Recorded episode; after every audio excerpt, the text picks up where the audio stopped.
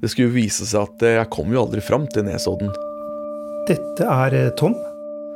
Fordi at eh, på veien til Nesodden så døde jeg.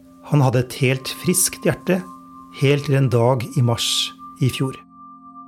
Jeg, jeg bare får skikkelig magefølelse at jeg må ut og hjelpe han fyren.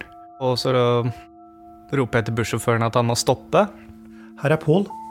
Han satt på en buss og tittet ut av vinduet da han så Tom sitte bevisstløs i bilen ved siden av.